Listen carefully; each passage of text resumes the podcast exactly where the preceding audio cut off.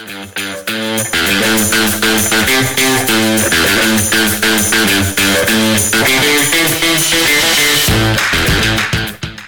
us saludem des de l'estudi de Ràdio Urdet de l'Institut d'Escola Vall de l'Or. Som la Berta i jo, la Laura, i a la taula de so tenim a la Xènia. Programa tractarà sobre les dones que han canviat el món.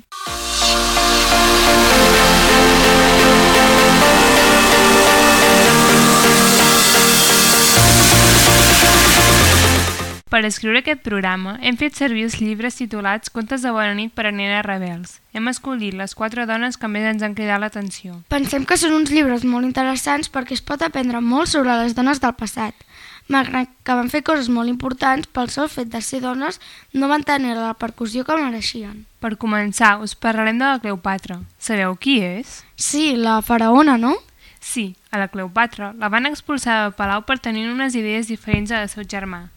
Però, com que era molt llesta, va demanar als seus servents que entressin al palau embolicada amb una catifa per poder anar a parlar amb Cèsar. El volia convèncer de que ella era més valenta que el seu germà, al tron. Ostres, que valenta! Doncs sí, Cèsar, sorprès pel seu atreviment, li va tornar al tron. Malauradament, Cèsar va morir. El nou emperador romà, Marc Antoni, la va voler conèixer i aquesta vegada hi va haver amor a primera vista. Van tenir tres fills i van estar junts fins al final de les seves vides. Quan Cleopatra va morir, el seu imperi va acabar. Va ser l'última faraona a regnar l'antic Egipte. I la frase més famosa que va dir Cleopatra va ser no em venceran. Tot seguit us explicarem la història de Madonna, una cantant, compositora i dona de negocis.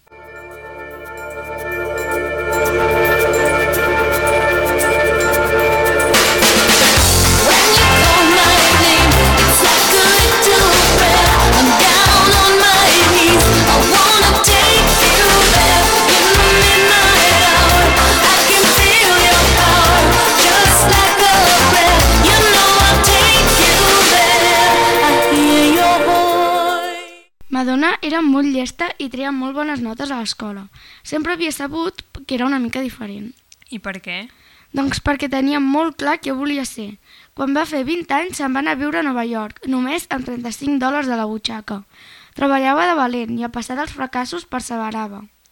En aquella època, totes les dones acostumaven a tenir un mànager i ells prenien les decisions per elles, però no va ser el seu cas. Amb la seva música, Madonna ha inspirat milions de persones.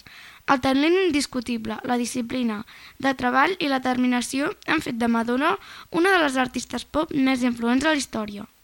La seva frase més famosa és Tinc el mateix objectiu que tenia quan era petita. Vull dominar el món. Ara us explicarem la història d'una nena que va néixer amb cos de nen. La Coi Matis, des de ben petita, li agradava el color rosa, els vestits i altres coses de nenes. Ella demanava als seus pares que la vestissin amb roba de nena. Va durar un temps que no va anar a l'escola i quan hi va tornar va tenir un problema. Els professors tenien un dilema. A quin lavabo havia d'anar la Coimatis? El de nens o el de discapacitats? Doncs jo diria que hauria d'anar al de nenes, no? Si ella se sent nena, doncs que vagi on ella vulgui. Sí, i així va ser. La van deixar triar on volia anar. Des de llavors que tothom la tracta com una nena i ara és molt feliç. I una cosa que ens ha cridat molt l'atenció és que aquesta nena va néixer el 2007. O sigui que ara mateix deu tenir 14 o 15 anys. Doncs sí. Una de les frases més famoses que va dir la Coi Matis és Vull anar a l'escola, al pati sempre juguem. Ara parlarem d'una dona molt famosa, que segurament molta gent coneix, la Virginia Hall. Virginia Hall era una espia amb una cama de fusta i fins i tot aquella cama tenia nom. Ha, ostres, i com es deia? Doncs aquella cama es deia Cuthbert. La Virginia era una dona increïblement bona disfressant-se. Un cop, fins i tot, es va haver de disfressar de vella i ningú va notar que era ella. Durant la Segona Guerra Mundial, ella enviava missatges secrets de tots els moviments que es feien als alemanys. Fins i tot, sabia que era una feina molt perillosa. Li deien la dona coixa. Els nazis la van buscar i van penjar cartells, però ella sempre anava un pas més endavant que els seus perseguidors.